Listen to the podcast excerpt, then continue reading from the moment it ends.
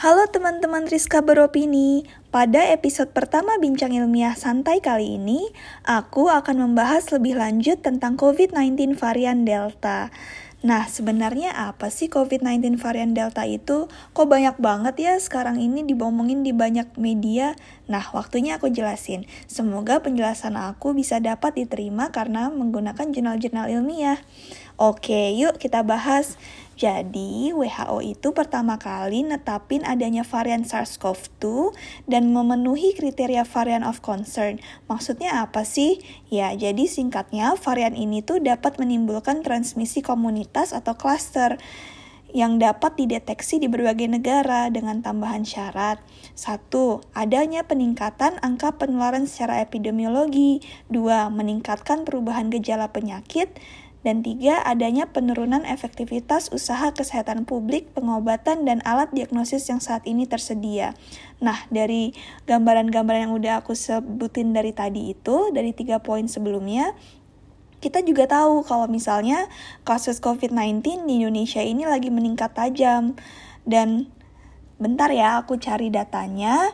Datanya ditemukan dari uh, eh, CNBC Indonesia kalau per 15 Juni 2021 adanya varian of concern baru yang ditemukan di Indonesia dan sudah ada Wow, 145 kasus baru dengan tiga tipe.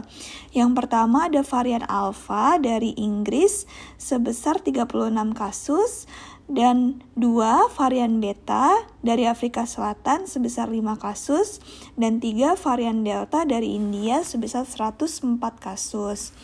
Ada juga sih beberapa media yang bilang kalau misalnya ada varian dari Brazil, cuma sayangnya datanya dari CNBC belum ada.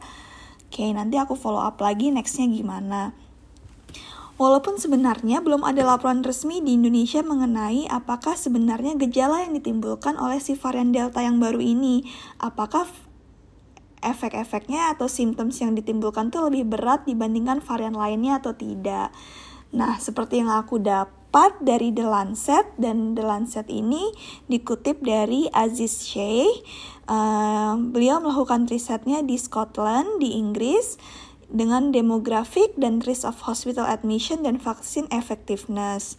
Walaupun kita belum ada data-datanya, tapi dari jurnal ini aku bisa menyimpulkan bahwa varian Delta meningkatkan resiko penularan sebesar 60% dan dua meningkatkan resiko kunjungan rumah sakit sebesar 1,85 kali lebih besar. Maksudnya apa? Jadi di Inggris itu ada peningkatan kasus Delta dan penurunan uh, varian alfa dan beta. Jadi di grafiknya itu dari tanggal 8 April sampai 11 Mei terjadi penurunan kasus COVID di Inggris. Tapi ternyata tiba-tiba ada ledakan lagi nih. Nah, ledakan laginya itu adalah varian Delta dan itu baru mulai di bulan Mei pertengahan sampai awal Juni. Dan ini aku dapat datanya dari uh, coguk.gov.uk, uh, data, dan BBC. Nah, banyak banget kan yang ngomongin kalau misalnya varian Delta menyeramkan, varian Delta menyeramkan. Nah, solusinya apa? Yes, solusinya itu vaksin. Nah, gimana sih vaksin itu bisa nggak sih sebenarnya ngelawan varian baru gitu kan? Tenang aja, aku dapat bukti-bukti yang bisa meyakinkan kalian untuk tetap vaksin aku dapat dari uh, Lopez Bernal, Andrews N, and Goversey. Mereka membahas tentang efektivitas vaksin COVID-19 terhadap varian Delta. Ya, jadi dengerin baik-baik. Jadi di riset ini itu ada dua vaksin yang diuji. Yang pertama adalah Pfizer dan yang kedua adalah AstraZeneca. Nah, efektivitas dosis pertama dan kedua inilah yang diuji. Kita lihat satu-satu ya dari Pfizer, efektivitas setelah dosis pertama 36% dan efektivitas setelah dosis kedua 88%. Sedangkan AstraZeneca efektivitas setelah dosis pertama adalah 30% dan efektivitas setelah dosis kedua 67%. Dan efektivitas yang dimaksud ini adalah mencegah terjadinya gejala ya.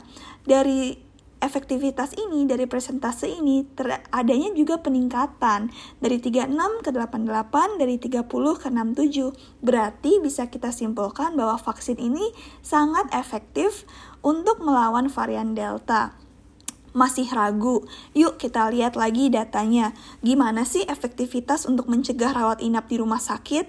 Nah, Pfizer kita lihat lagi ya, efektivitas setelah dosis pertama 94%, sedangkan efektivitas setelah dosis kedua ada 96%.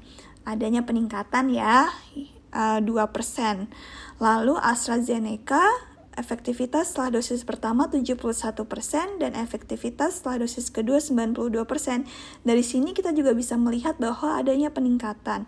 Jadi, secara data pun kita bisa tahu kalau misalnya vaksin itu sangat efektif melawan varian Delta. Nah, tapi gimana caranya efektif gitu kan? Itu pertama yang harus kita camkan. Yang aku ingatkan sekali lagi adalah harus dua dosis vaksin terpenuhi. Yang kedua, teman-teman juga harus tetap menerapkan protokol kesehatan. Karena perlindungan yang diberikan oleh vaksin itu nggak 100% teman-teman. Jadi prokes 5M tetap dilaksanakan ya. Jadi saran dari aku untuk recap uh, pertemuan kali ini kita harus optimis kalau misalnya kita bisa dengan cara memperketat mobilitas. Nah, mobilitasnya itu harus konsisten dan massal. Jadi, uh, penyebaran COVID-nya juga bisa kita redam. Yang kedua, kita harus cepat-cepat nih perluas cangkupan dosis kedua untuk meningkatkan efektivitas vaksinnya melawan varian Delta. Kalaupun masih ada teman-teman yang belum mendapatkan vaksin dosis pertama, yuk cepat-cepat urus supaya kita kelar dari pandemi ini.